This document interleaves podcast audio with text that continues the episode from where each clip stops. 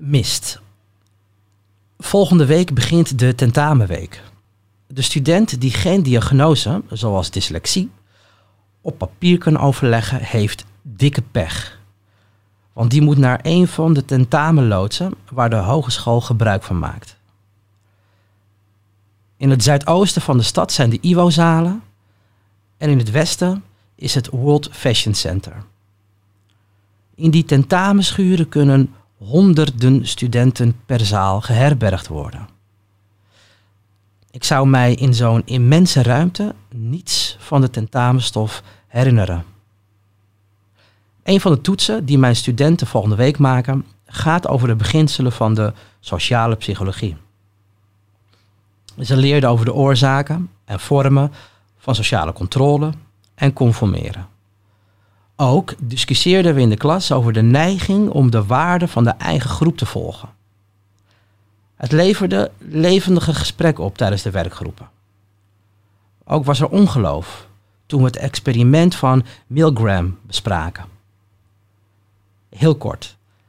Het experiment van Milgram onderzoekt in hoeverre iemand een autoriteit gehoorzaamt. Het experiment toonde aan dat een groot deel van de proefpersonen luisterde naar de bevelen, omdat die werden opgedragen door een hoog geschat persoon in een witte doktersjas. Ik vraag altijd aan mijn studenten wie ook idiote, sadistische bevelen van een autoriteit zou opvolgen. Natuurlijk heeft nooit iemand zijn hand opgestoken. In een van die volle tentamenhangaars met tot de nok gevulde geur van examenzweet leerde ik overigens wie bij ons op het werk autoriteit krijgt toegedicht. Samen met een collega-docent zat ik bij een tentamen in het World Fashion Center. Onze taak was de surveillanten inhoudelijk te assisteren. Gedurende het tentamen stelden de toezichthouders verschillende vragen. Ik kreeg er wel geteld nul. Mijn collega en ik zaten aan een tafeltje naast elkaar.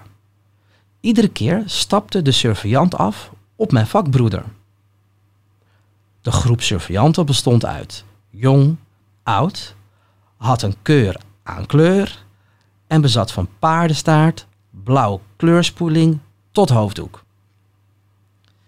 Voor hen allen kon ik niet het erkend gezag zijn, omdat ik niet paste in het wijsgemaakte beeld. En mijn ambtgenoot wel.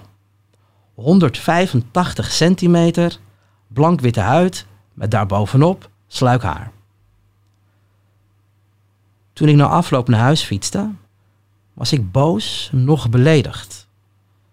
Want in de schoenen van de surveillant had ik hetzelfde gedaan. Ik vroeg me wel af wanneer we dat beperkte wereldbeeld openbreken en fietste de mist in.